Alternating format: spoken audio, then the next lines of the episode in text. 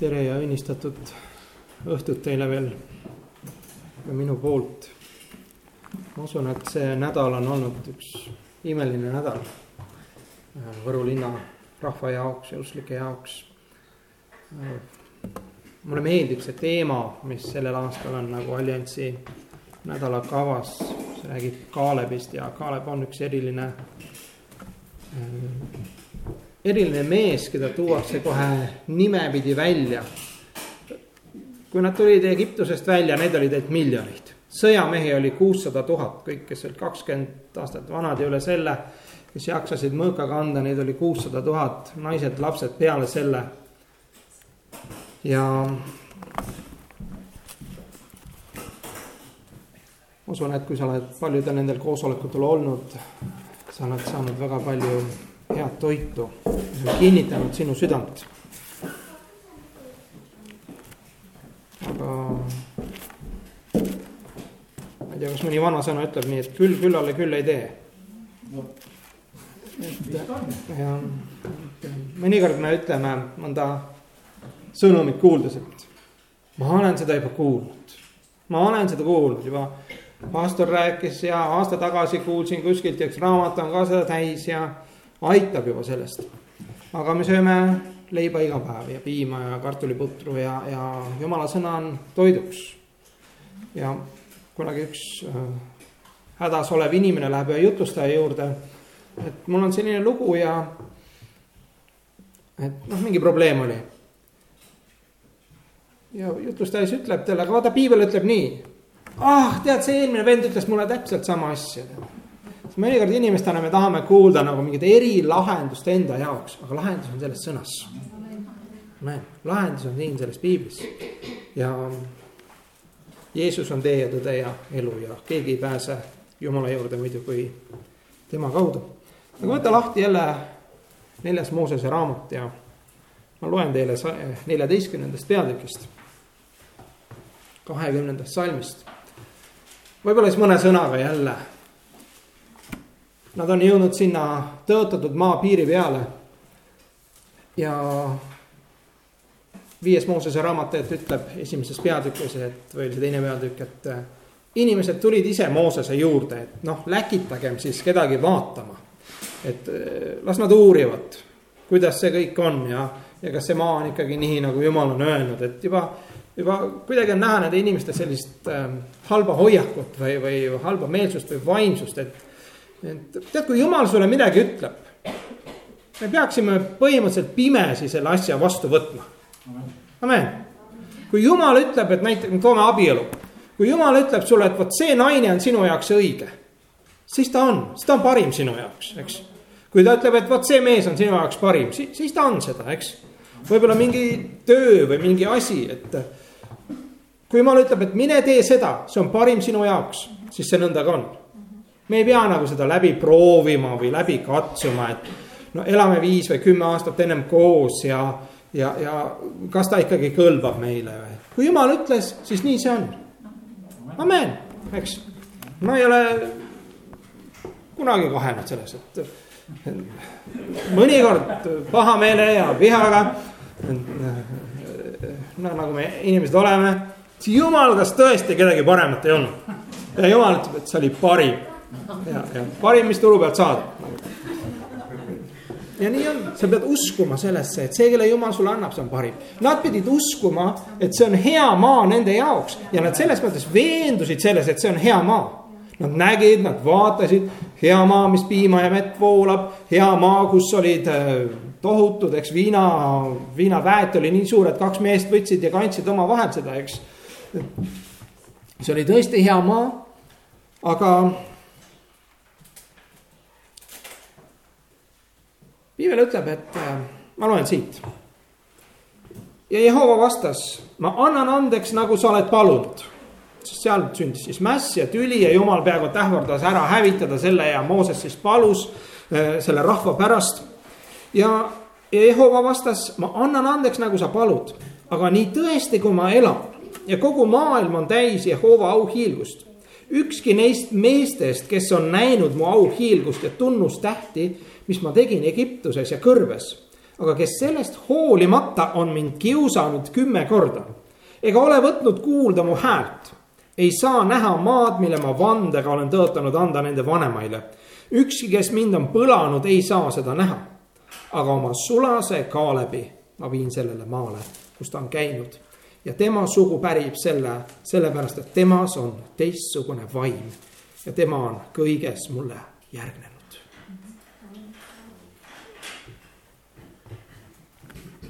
Need inimesed nägid, mis imetegusid Jumal tegi Egiptuses. pimedus oli Egiptuse üle Hooseni maakonnas valdus. rohutirtsud igal pool, neil ei ole. sääsed, parmud, konnad, nemad on puutumata lõpuks esmasündinute surmamine, nad kassid talle verega uksepiidad kokku. ja neid see ei puudutanud ja nad tulevad välja. lõpuks egiptlased hakkavad neid taga ajama, suur sõjavägi tuleb neid tapma. Äh, jumal paneb tulesamba nende ja, ja vaenlaste vahele. jumal lõhestab Punase mere kaheks. Nad lähevad nagu müüride vahelt läbi no mõni eriline dialoog või teoloog, mitte dialoog, teoloog on öelnud, see oli madal vesi. sealt kohast, kus nad läbi läksid, see oli no luupeksedeni vaevalt oligi, et sealt ei olnudki, see ei olnudki mingi eriline ime. Aga siis on veel suurem ime, et jumal uputas sinna madalasse vette terve Egiptuse Vaaro armee koos sõjavankritega. kes tahab skeptik olla, kes tahab uskmatu olla, see on nagunii, mõni mees ütleb, et ise näen ka ei usu ja tundub, nende meestega isegi peaaegu oli niimoodi. Nad nägid kõike seda, mida Jumal tegi. Jumal andis neile mannat, Jumal läkitas neile linda, Jumal andis neile kaljust vett, ime, ime otsa. ja pidevalt me näeme, et see rahvas nuriseb. Aga Jumal nüüd ütleb, aga Kaalep, tal on teistsugune vaim, teistsugune hoiak. teised mehed ütlevad, maa on ilus, maa on hea, tõesti piima ja mett ja, ja, ja suurepärased puuviljad kõik aga me ei suuda seda vallutada. sellepärast, et liiga suured linnad, liiga suured kindlused, liiga vägev rahvas ja meie oleme liiga pisikesed. Jooso ja Kaalep ütlevad, me suudame selle siiski vallutada, me suudame selle vallutada ja ta ütleb, kui jumalal on meist hea meel, siis ta viib meid sellele maale, mille ta on tõotanud meile anda. see, see ei ole isegi see ei olnud otseselt isegi nende võitlus, see oli tegelikult jumala võitlus. Nad oleksid pidanud koos jumalaga minema ja see asi oleks siin sündinud. väga tihti me näeme, et inimesed ütlevad, et nad ei saa hakkama, nad ei suuda ja siis tuleb keegi ja teeb selle asja ära koos jumalaga. Järgnev põlvkond läks sellele maale, nende pojad läksid sinna maale ja nad võitsid ja nad võitlesid käisid ümber Jeerikos kuus päeva, igaüks, iga päev üks tiir, seitsmendal päeval seitse tiiru. Ma mõtlesin selle peale, et mõni skeptik võib ka öelda, et mõtle, et nad käisid ja vahepeal puhuti, puhuti pasunat ja see on selline madal heli ja infraheli tekib ja. ja siis see ümber linna käimine, see põrutab seda maavärinat ja, ja siis, kui nad lõpuks kõik karjusid, siis see lihtsalt see heli. tegelikult oli see jumala vägi, mis purustas need müürid seal mõnikord jumal nõuab või käsib meil natuke imelikke asju teha. Jeesus ütles, et mine pese silmi Siilo tiigis ja, ja Naaman, sõjapealik Naaman, eks Elisa päevil.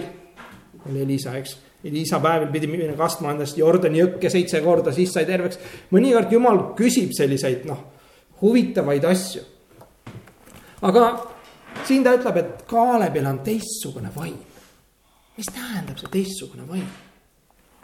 võta lahti Korintuse teine kiri, neljas peatükk.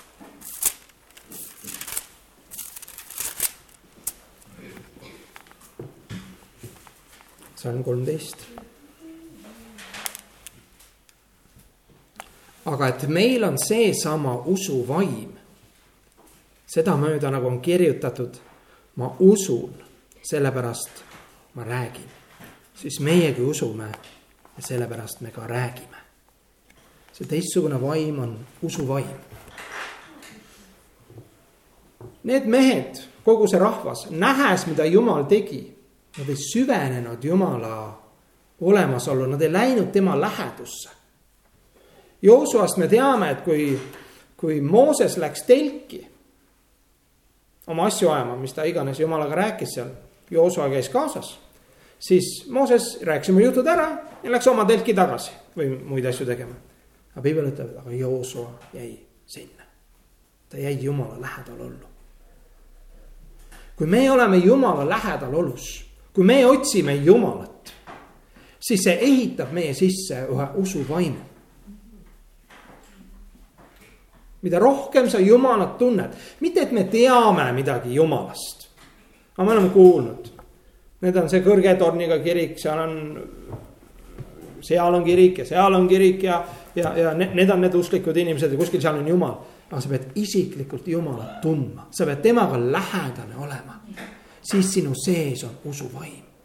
Abraham oli üks mees, kes tundis Jumalat, ta käis koos Jumalaga ja Abrahami puhul öeldakse ka, ta uskus Jumalat üle lootuse, lootuses. et ta saab paljude rahvaste isaks. nõnda nagu Jumal on öelnud, nõnda nagu Jumal on tõotanud. aga lähme siit edasi. salm kakskümmend neli, ma loen uuesti. Aga oma sulase Kaalebi ma viin sellele maale, kus ta on käinud ja tema sugu pärib selle sellepärast, et temas on teistsugune vaim ja ta on mulle kõiges järgnenud. Amalekid ja kaanalased elavad ju orus. homme pöörduge ümber ja minge teele kõrve poole mööda Kõrkja mere teed. ja Jehova rääkis Moosese ja Aaroniga üteldes, kui kaua peab mul olema kannatus selle halva kogudusega, kes nuriseb mu vastu. Iisraeli laste nurinaid, kuidas nad nurisesid mu vastu, ma olen kuulnud. ütle neile, nii tõesti, kui ma elan on Jehova sõna, et nõnda nagu te minu kuuldes olete rääkinud, nõnda ma teen teiega. usk räägib. esmalt me väljendame oma usku selle läbi, et me räägime. Ja Koobuse kiri ütleb ka, et usk ilma tegudeta on surnud. usk on rääkimine, me räägime ususõnu, nagu Korintuse kirjast lugesime ma usun, sellepärast ma räägin, aga samamoodi hirm räägib, kartus räägib. Paulus kirjutab Timoteosele, ütleb, et jumal ei ole andnud meile kartuse vaimu või hirmu vaimu. Vaid armastuse, väe ja mõistliku meele vaimu. usk räägib. Jooso ja Kaalep ütlesid, et me suudame minna sellele maale. me suudame nad võita meie jumal on meie, nende jumalat on juba nad maha jätnud. Nemad ütlevad, me ei suuda. kümme meest pööravad terve, terve rahva Moosese ja Aaroni ja, ja Joosua Kaalebi vastu. kivid peaaegu et lendavad, jumala au tuleb, tuleb ligi. aga mitte alati enamusel ei ole õigus. roomlastel oli selline väljend, et vox populi Vox Dei oli vist nii, kes mäletavad hästi ladina keelt. ehk siis rahva hääl on jumala hääl, aga see ei ole alati niimoodi. me näeme siin, et see ei olnud jumala hääl. Me näeme, kuidas inimesed astusid Jeesusele tihti vastu, virisesid, nurisesid. Jeesus võis tihti olla vähemuses, lausa päris üksinda. aga mida ta tegi? ta ütles, et sõna, mida ma räägin, on jumala sõna. teod, mida ma teen on see, mida ma näen, et Jumal ees teeb. ma teen Jumala tegusid. nii nagu te olete rääkinud minu ees, nõnda ma teen teile. me peame väga vaatama, mida me räägime, kuidas me räägime, kas me räägime Jumala sõnu, kas me räägime seda, mida Jumal on öelnud meie kohta. Jumal ei öelnud sellele rahvale, et ma viin, Jumal näiteks ei öelnud juba Abrahamile et sina pääsed, sind maetakse siia, see oli vist Hebroni lähedal kuskile Mamre tammikusse või kus see koht oli, kuhu ta endale selle hauaplatsi ostis. Et sind maetakse siia, aga sinu järeltulijad, nemad on nelisada aastat vangis ja siis nad tulevad siia tagasi ja siis nad lüüakse siin maha. jumal ei öelnud niimoodi, jumal ütles, et neljasaja aasta pärast nad tulevad siia tagasi ja nad pärivad selle maa. ma olen sulle andnud juba selle maa Jooso ja Kaaleb räägivad seda, me saame selle maa.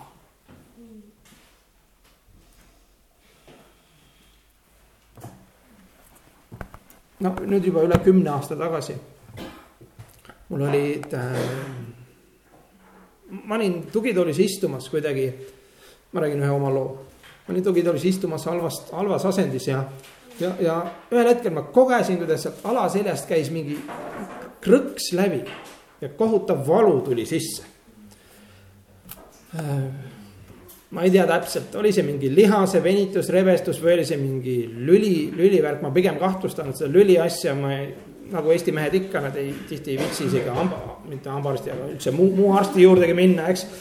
et noh, ma arvan, et hambaarst mind selle hädaga ei oleks aidanud ka. aga, aga, aga ma üritasin ikka uskuda. aga, aga uskumisel ja uskumisel on ka vahe.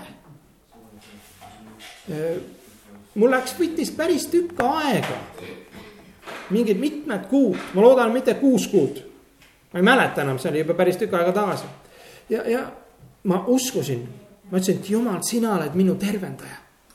sina oled minu tervendaja, sina oled minu ravija, sinu sõna on terviseks minu ihule.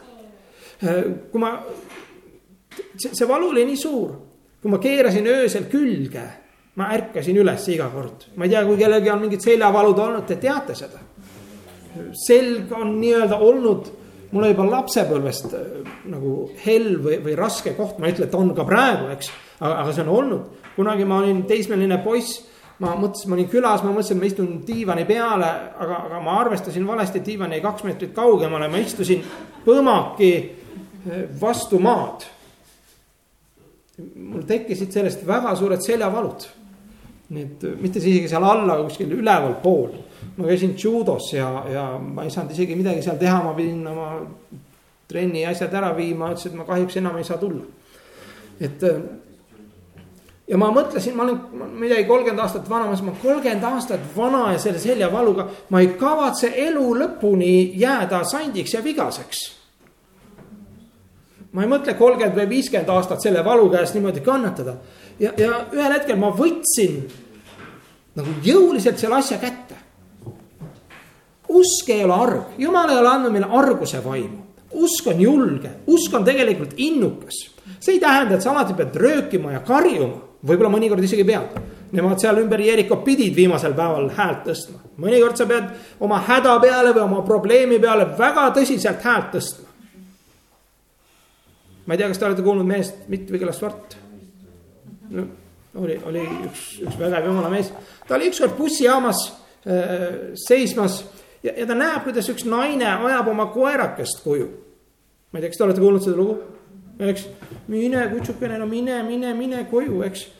no aga me teame, kuidas need kutsukesed siis lähevad, kui sa niimoodi hellalt neile no mine, mine, mine, mine, siis ta tuleb veel lähemale sulle.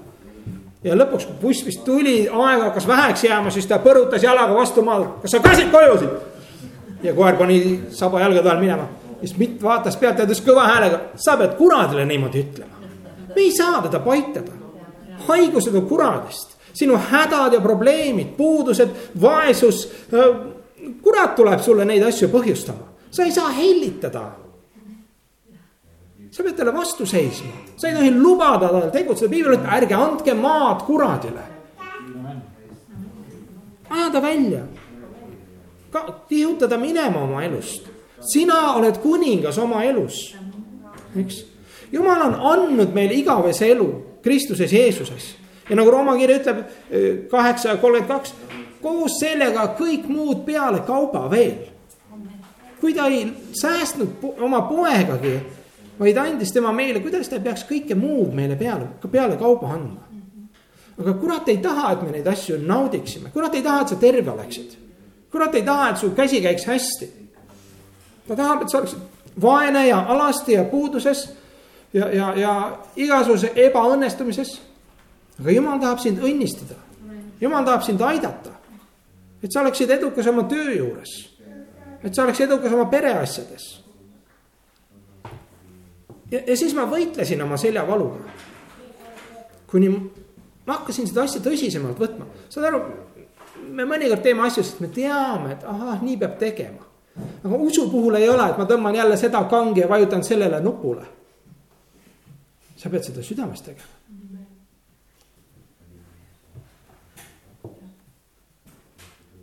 ja kui mul oli kõige valusam hetk, tihti inimesed ütlevad, kui valu on tagasi või, ah see ei toiminudki. ah ma ei saanudki seda. siis ma oleksin nagu see üks kümnest maakuulajast. ah, on küll ilus, aga ma ei saa, jumal ütles küll, aga jah, ei, see ikkagi ei lähe niimoodi. kui sul on kõige valusam hetk, kui sul süda puperdab, kui sul on kuskil valu, siis ütle. aga ma saan selle. Sest jumal ütles nii, aga ma olen terveks saanud Jeesuse vermete läbi.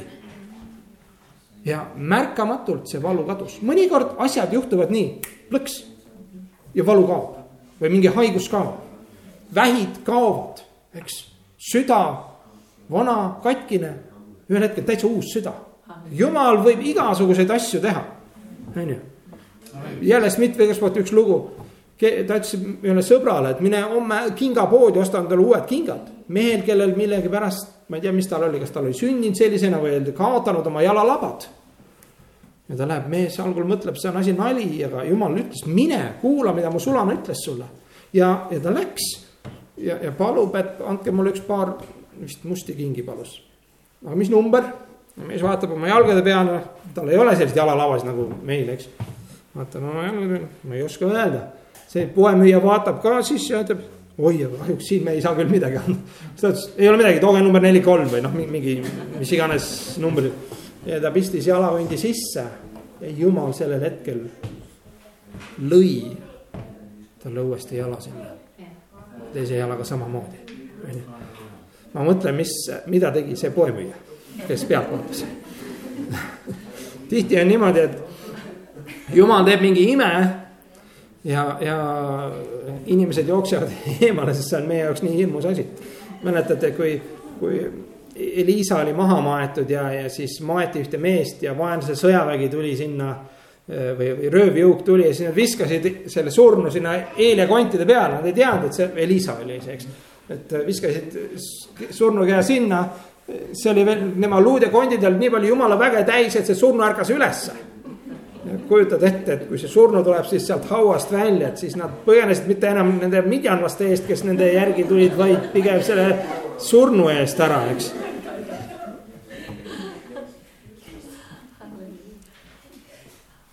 ja tegelikult juhtus mul see seljaasi teist korda veel mõne lühikese aja peale. aasta võib-olla, see õpetas, ma pean hoidma oma selga, ma ei saa nagu, me ei saa ka oma tervisega kuidagi niimoodi hooletult olla. sa higistad kuskil soojas ruumis ja lähed, hõlmad laiali õue, no noh, ma ei ütle, et sada protsenti, aga väga suur tõenäosus, et sa jääd haigeks, sa külmetad. me peame oma ihu hoidma. ja nüüd eelmise aasta lõpus ärkan hommikul ülesse, see on viimane pühapäev. peab kogudusse minema ja kuidagi tunnen, et jälle imelik on sealt alt kuidagi. Ja, ja noh, aga ta ei olnud nii hull midagi ja noh, ma liigutan ja masseerin ja. aga mida õhtupoole seda asi nagu hullemaks läheb. kuni lõpuks niimoodi, et aeg on kogudusse minna. me käime õhtupoole kell neli kohal. naine Kelly paneb auto käima, ootab mind juba tükk aega ma ei saanud niigi palju kummardada, et ma sokid oleksin jalga saanud, ma pidin tütrel paluma, et. Lisbeth, ikka no ole hea, tule tõmba mulle sokid jalga. sest selline valu käib läbi. Koguduses palvetati minu pärast. ma hoidsin ise oma usulippu üleval, läksin koju. üks asi, mida ma teadsin. ma olen olnud laisk. ma ei ole uurinud jumala sõna miks tihti kurat saab meid rünnata? sellepärast, et me ei ole olnud osaduses Jumalaga. sellepärast me ei ole toitnud ennast. kunagi ma mäletan, ma paastusin, ma ei tea, kas te. Siin koguduses käis ka need jutud läbi, ma ei tea, kes see mees oli, kes käis. mingi naine oli ka kaasas, ma paastusin nelikümmend päeva, keegi paastus üheksakümmend päeva ma ei tea, kas ta ikka päris tõtt rääkis ja kuidagi see käis meie kogudus ka läbi, see paastumise värk ja mina mõtlesin ka, ma tahan ka pühaks saada, eriliseks pühaks. ja võtsin ka nagu ette, et ma hakkan ka nüüd paastuma. no lõppkokkuvõttes ma paastusin kümme päeva. Ma ei mäleta, kas ma vett jõin, ma vist ikka jõin natukene, aga. ma muutusin nii nõrgaks, et ma ei jõudnud teisele korrusele ülesse minna. ma tean, mis tähendab tühi kõht. ma tean, mis tähendab, et kui sa ei söö, sul ei ole jõudu, samamoodi meie usk ei ole tugev, kui me ei ole uurinud jumala sõna, kui me ei ole olnud jumalaga lähedal olus. sellepärast nad hakkasidki kahtlema. et nad ei mõtelnud jumala sõnade üle. mida jumal ütles Joosuale, esimesed sõnad, kui Joosua sai Moosese asemel. Ärgu lahkugu see käsuõpetuse raamat sinu suust, vaid mõtle selle peale päeval ja öösel. et sa oleksid tugev, et sa oleksid tark, et sa teaksid, kuidas tuleb käituda. Need kuussada tuhat ja palju neid iganes mehi seal lõpuks oli, Nad ei mõelnud selle peale, mida oli Abrahami päevist juba pärandina või, või pärimusena edasi muudkui räägitud ja räägitud ja räägitud. Kaalep mõtles, sest tal oli usuvaim.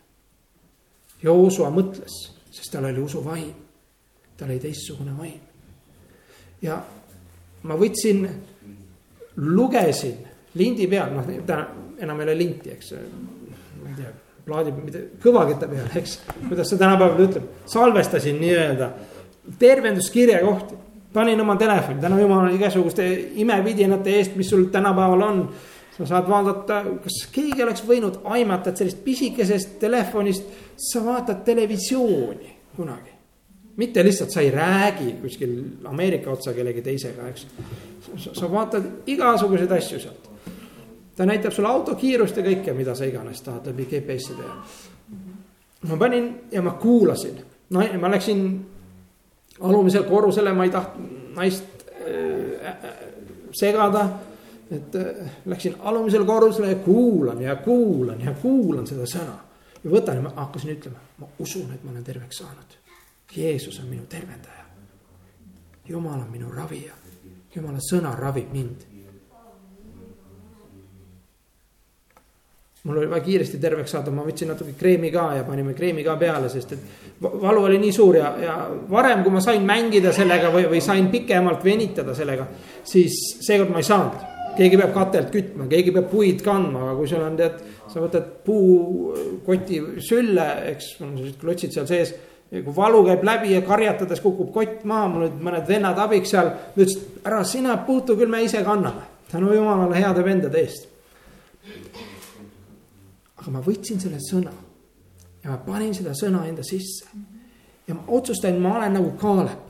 ma olen nagu usukangelased. Kui mul on valus, siis seda enam ma ütlen ja usun ja tunnistan, et ma olen terveks saanud. see tunnistus, mis pastor Toivo on andnud. minu teada see haigus on ravimatu ma olen, ma tean teisi inimesi, kelledel on, kes elavadki eh, nagu tablettide peal, mis natukene nagu leevendab seda asja. aga põhimõtteliselt seda haigust ei saa tervet või ravida, meditsiin ei suuda, aga jumal suudab, eks. Mõnikord on tänu jumalale arstide eest, tänu jumalale meditsiini eest. võib-olla nad ei tee kõiki asju targasti, aga nad aitavad väga paljusid inimesi. aga on asju, mida nemad ei suuda. On teatud olukordi, kus nemad äh, loobuvad, nad ütlevad, siin ei ole midagi teha, aga jumal saab, jumal suudab. ja need ei ole üksikud juhtumid, mida jumal on teinud, need on miljonid juhtumid tegelikult, meie kõrvu lihtsalt need ei ole jõudnud. Kui me loeme piiblist midagi, mida Jeesus tegi, see on nii vana, see on peaaegu nagu muinasjutt, aga see ei ole muinasjutt. see tegelikult on ka niimoodi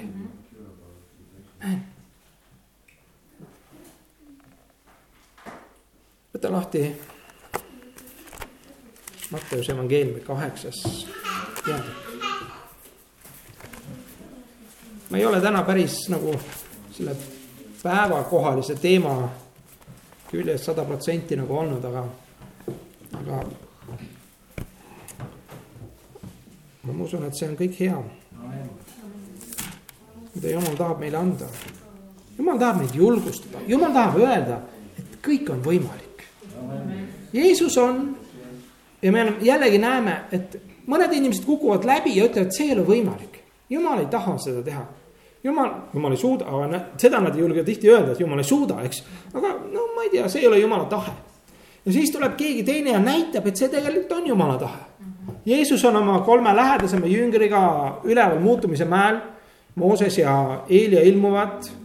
Peetrus ütleb pärast, teeme see kolm telki, eks sulle ja Moosesele, Eeliale ja nad lähevad alla tagasi ja keegi on toonud oma vaimuhaige poja. sinna paika, tead, ahah, Jeesus on seal, lähme sinna. Ja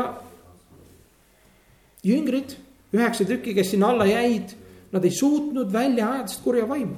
ja mõtle jälle, varem nad olid seda teinud.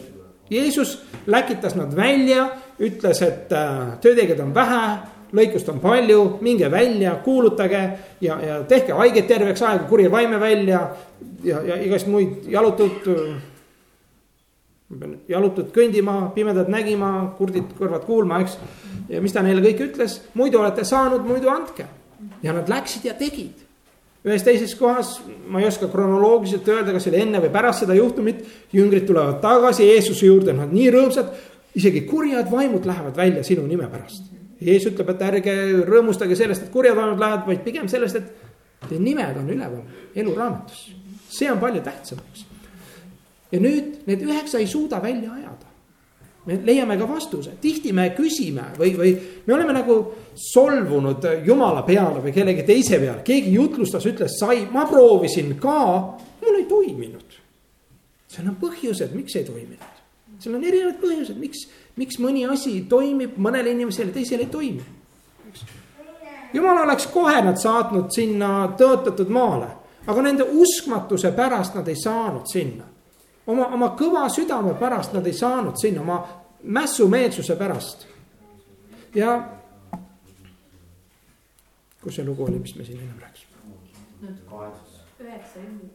aa, nad ei suutnud välja ajada, eks, ja Jeesus tuleb. mis viga on, see isa ütleb, et vot näed, tõin poisi siia, su jüngrid ei suutnud välja ajada ja, ja siis ta Jeesus, küsib Jeesuse käest, et kui sa kuidagi võid, aita meid. no selme, kui, kui see üldse kuidagi võimalik on, äkki see ei olegi võimalik. no su jüngrid on ka vägevad jumala mehed ju, nad ei saanud hakkama, mis Jeesus ütleb. ja see vastus ei ole ainult sellele mehele, vaid meile kõigile. kõik on võimalik sellele, kes usub. sa ütled, kui sa võid no piiblist me alati ei loe välja seda intonatsiooni või seda hoiakut, eks, me peame oletama seda, sa ütled, kui sa võid, kõik on võimalik sellele, kes usub. isegi ei öelda, et kõik on võimalik Jumalale, sest selge on see, et kõik on võimalik Jumalale. aga kõik on võimalik ka sellele, kes usub, sest me usume Jumalat, kellel on kõik võimalik. amen, Jumalal on kõik võimalik ja kui me käime koos Jumalaga, siis ka meil on kõik võimalik. ja Jeesus näitab, et see on võimalik ja see poiss saab terveks kuri vaim läheb välja, on ju. ja Mattuse kaheksa. see on see Kapernauma pealiku poisi terveks tegemine. ma usun, et me oleme lugenud piiblit eest taha ja tagant ette. aga ma loen ka selle ikkagi ette. aga kui Jeesus saabus Kapernauma, tuli tema juurde sõjapealik palus teda ning ütles, issand, minu poiss on kodus halvatuna maas suures valus.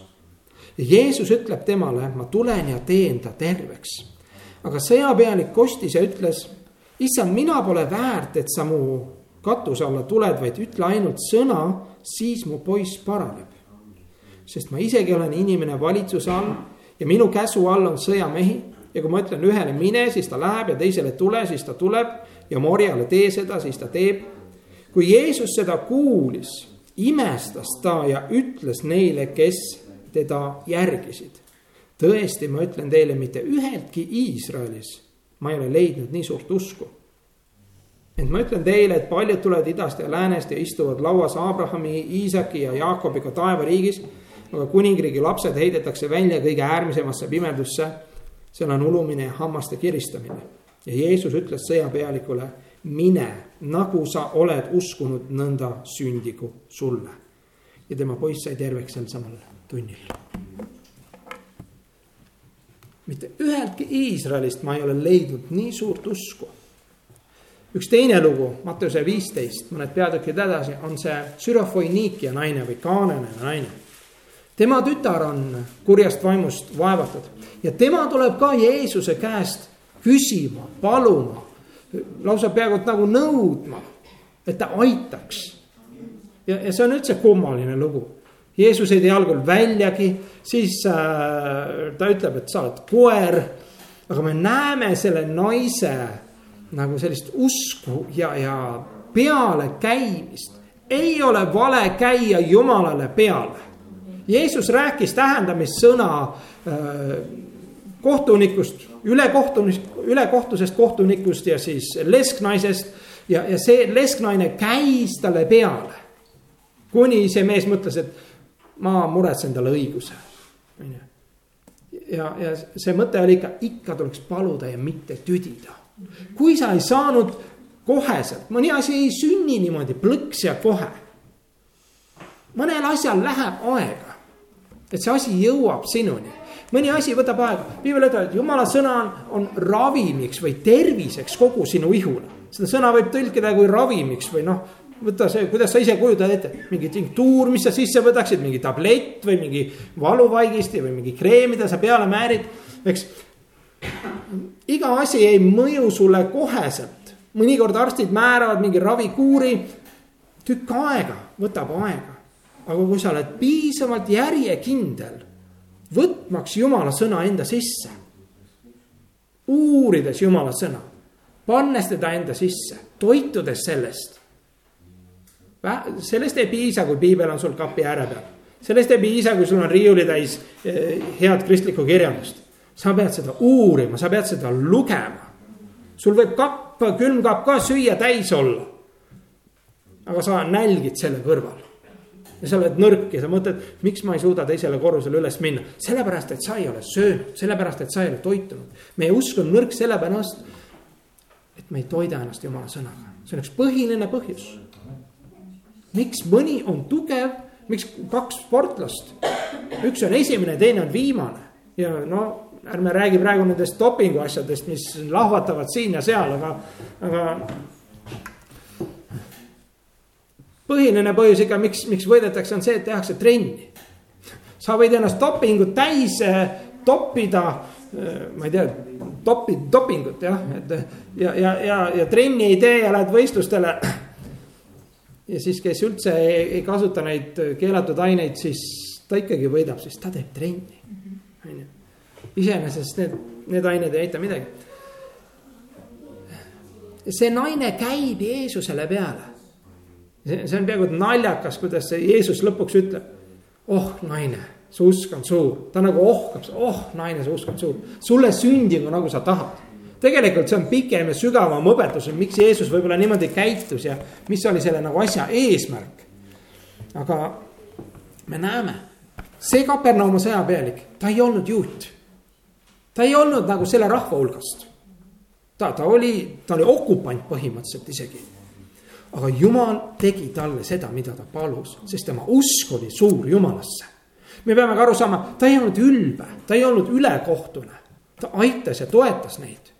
ja, ja jällegi see, see, see teine naine, ta, ta uskus jumalat, ta ütles, et jah, ma olen koer, aga koerad saavad ka laste leivaraasukesi, mis sinna alla kukuvad. no natukene ikka, jumal, sa võid ju mulle teha. ja ta sai seda et, ähm, ja tihti me näeme, nagu Jeesuski ütles, need, kes olid selle rahva hulgast, kellele tõotused olid antud, need ei saanud seda kätte. ka kogudused on tihti võib-olla rahvast täis, kes äh, mõnikord me isegi näeme, et inimesed, kes on väljaspool kogudust, me palvetame nende pärast, nad saavad suhteliselt lihtsalt terveks. Nad võivad palju kiiremini, palju lihtsamalt saada abi kui need, kes on aastaid ustavalt koguduses käinud me saame aru, et seal tuleb jumala arm ka appi. jumal tahab näidata ka oma armu ja oma väge ja, ja ta aitab selles suhtes, aga meie käest ta nõuab juba usku. kui sa oled juba aastaid koguduses käinud, ta ütleb sulle, sa pead uskuma, kallis õde või kallis laps, eks. sa pead uskuma, kallis tütar, sa pead uskuma, kallis poeg. sa ei saa ilma usuta. meil on seesama usuvaim sellepärast ma räägin. usk on see, mis räägib. ma olen võimeline seda maad võtma. ma olen, me oleme võimelised sellele maale minema, ütlesid Kaalep ja Joosua ja nemad läksid ka. mitmed kirjakohad seal edasi ütlevad, et kõik see põlvkond, kahekümne aastased ja üle selle, nad hukkuvad siin kõrbes. Nad ei pääse sellele maale aga nemad ma viin, Kaalebi ma viin, sest temas on teistsugune vaim. tema on mulle ustav olnud kõiges, tema on järginud mind kõiges. ja mõtle veel Kaalebi peale. see tuleb Joosua raamatust välja, ta on kaheksakümmend viis aastat vana. sellest on nüüd nelikümmend viis aastat edasi, nelikümmend aastat umbes, kuni nad siis lähevad sinna maale üle Jordani, siis nad sõdivad ja me peame aru saama, et kui jumal meile mõnikord midagi ütleb. Kõik, iga asi ei tule automaatselt, sa pead võitlema. meil on usuvõitlus. see on sulle lubatud, see on sulle tõotatud, aga sa pead ikkagi võitlema, sest kelle vastu, kas sa võitled jumala vastu, ei, sa ei võitle jumala vastu, sa võitled kuradi vastu.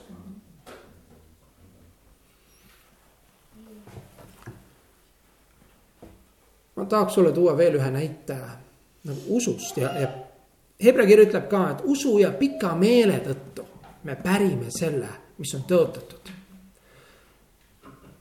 Hebra kümme ütleb, et ärge heitke ära julgust. kuidas ta ütleb täpsemalt seda?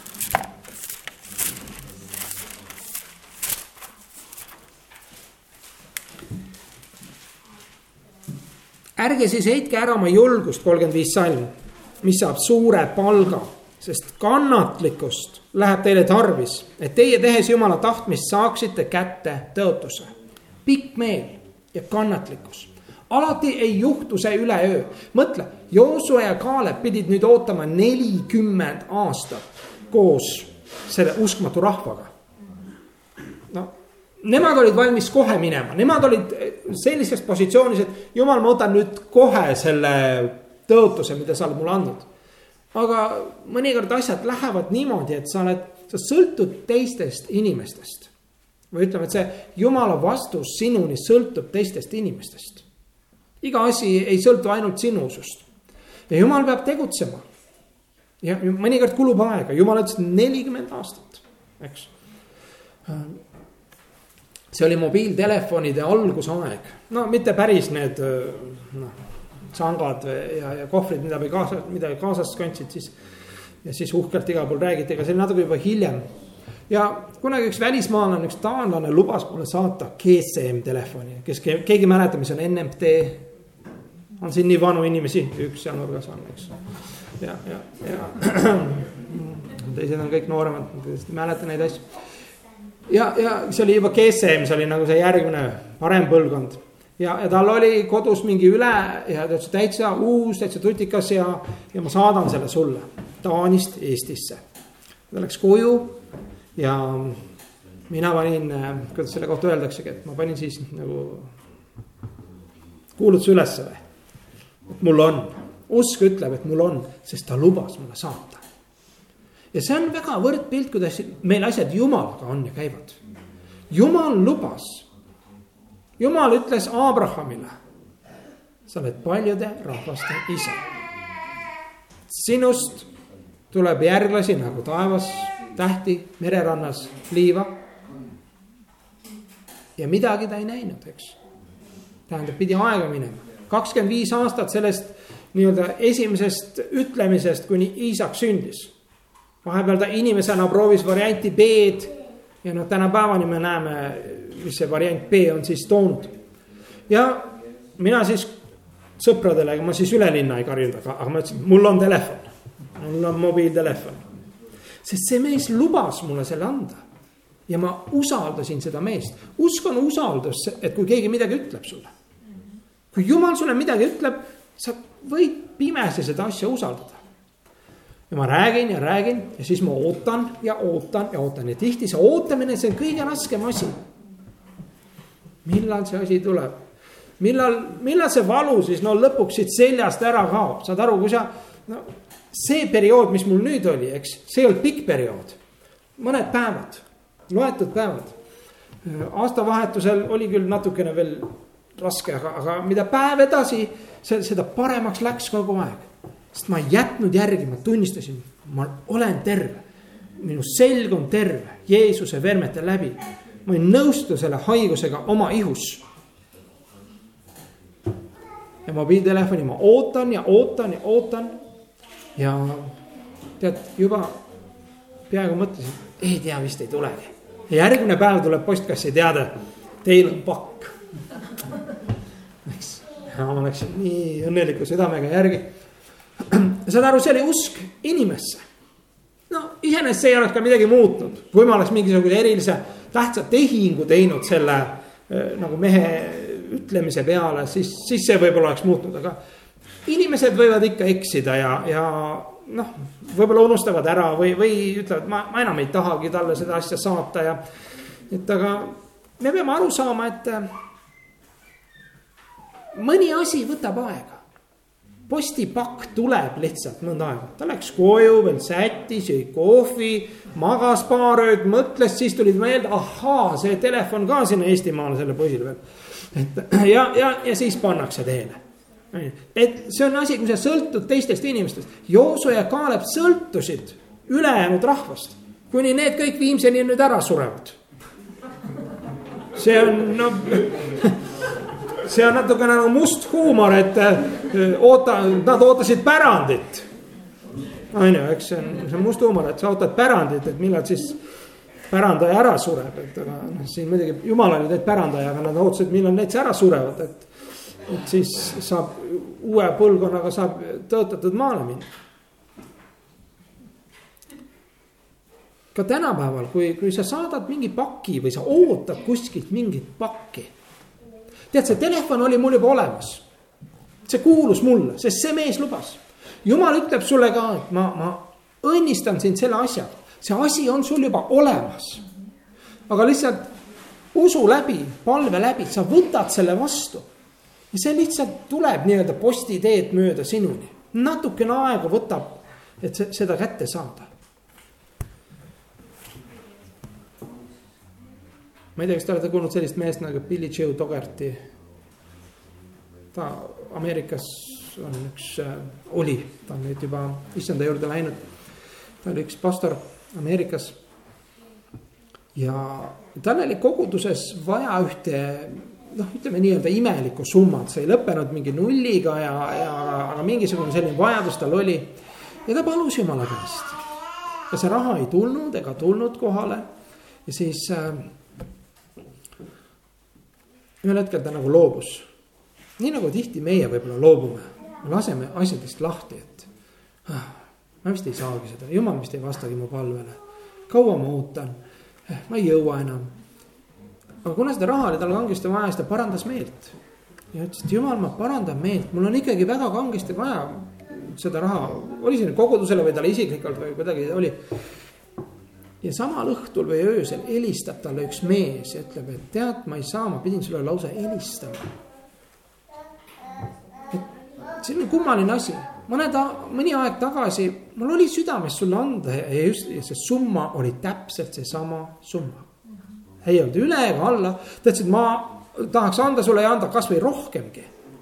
aga tead, siis juhtus midagi imelikku, et ühel hetkel kadus see mu südamest ära, ma unustasin selle ära kui meie ei usu, kui me usume, siis jumal tegutseb.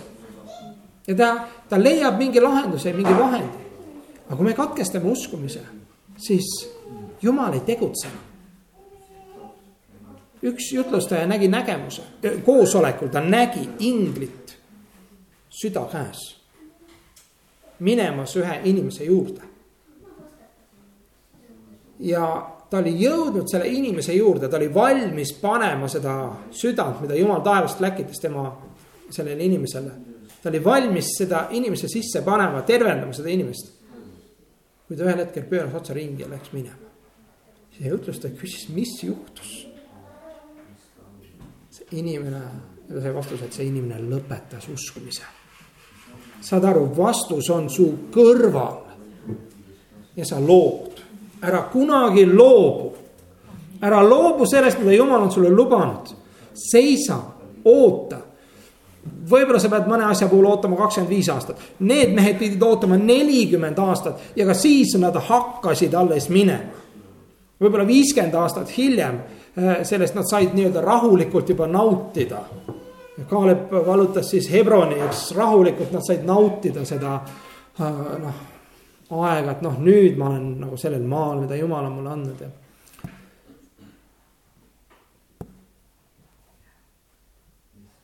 kas ma võin ühe viimase loo? ma ei tea, kas me oleme ajagraafikus väga. ja samamoodi usu, usutunnistuse peal. üks äh, vend helistas ühele jutlustajale ja, ja palus, et kas sa oleksid minuga ühel nõul. Et mul on vaja mingit sellist summat, et jumal aitaks mind selle, selle summaga. et ma ei küsigi su käest raha, kuigi sellel jutlustajal isegi oli, oleks olnud, ta oli selline väga edukal järjel ja ärimees ja. ja aga, et ma ei taha isegi, et sina mulle midagi annaksid, lihtsalt ole minuga ühel nõul piibel ütleb, et kui kaks on ühel nõul, siis Jeesus on nende keskel ja mida me iganes isa käest palume, seda me saame. ja siis see jutlustaja küsib äh, siis jumala käest pärast palus, et kuule äkki mina, kas sa tahad, et mina aitaksin seda. Ja ta ütles, et ei, ei, et ma tegelen ühe teise mehega, teise inimesega.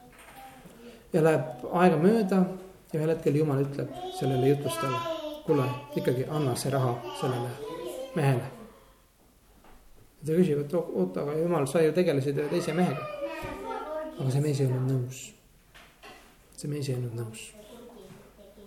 jumal ei saa, jumal ei pane meid vägisi tegema asju ja miks ka võib-olla mõnikord asjad viibivad, ei jõua meieni, sest mõni asi on inimeste taga, nii nagu selle Joosua Kaalebi loo see nende pärandi kättesaamine, nende tõotuse kättesaamine oli teiste inimeste taga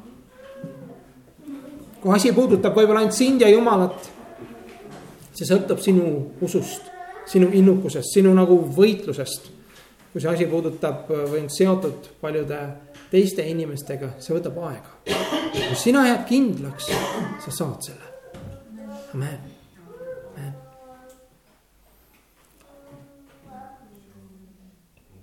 kui Kaalebi ma viin sellele maale, sest temas on teistsugune vaim ja see vaim meeldis Jumalale. et tänases selles tekstis, mis seal alliansi lehel oli, et mõned arvavad, et Kaalep võis hoopis ollagi isegi teisest rahvusest nagu oma algupärast ja, ja mingi juudi rabi või õpetlane arvas, et ta oli, ta oli sealt. aga see ei ole isegi oluline. ta oli selle rahva keskel. ta käis koos Jumalaga. ja ta oli juuda suguharu vürst. ja Jumal läkitas ta sinna ja ta sai. Sõjapealik, ta ei olnud juut, ta ei olnud iisrael, ta ei olnud heebrealane. talle otseselt tõotuse järgi sellel hetkel veel ei kuulunud. meile juba kuulub, sest me oleme usu läbi pärijad, me oleme usu läbi Kristusesse Abrahami sugu ja pärijad tõotuse järgi.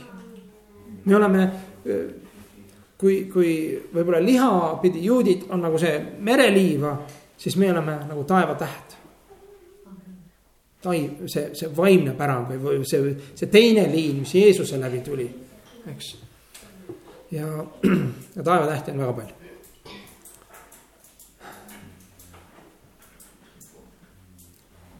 tänu Jumalale selle eest, et ta on meile nii palju teinud, nii palju andnud, Jumal tahab meid õhutada ülesse.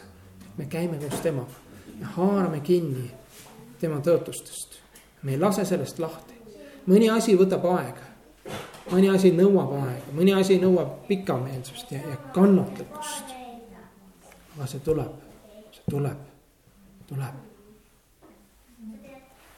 kasvõi seesama näide, mis sa oma elus kogesid, see tuli. see oleks võinud olla kui me ei võitle, kui me laseme lahti. kui arst, kui me ütleme, et arst ütles, et seda ei olegi võimalik saada, mis ma siis enam punnitan? Ja sa oledki selle all, eks. aga sa ütled, et hoolimata sellest, mida arstid suudavad, mida nad räägivad, ma ikkagi usun, et Jumal on vägev. Jumal kõikvõimas saab, amen, me laulsime seda laulu. meie Jumal on kõikväeline, kõikvõimas, kõik on võimalik meie Jumalale ja kõik võimalik, kõik on võimalik meile, kui me usume Jumalat. Man.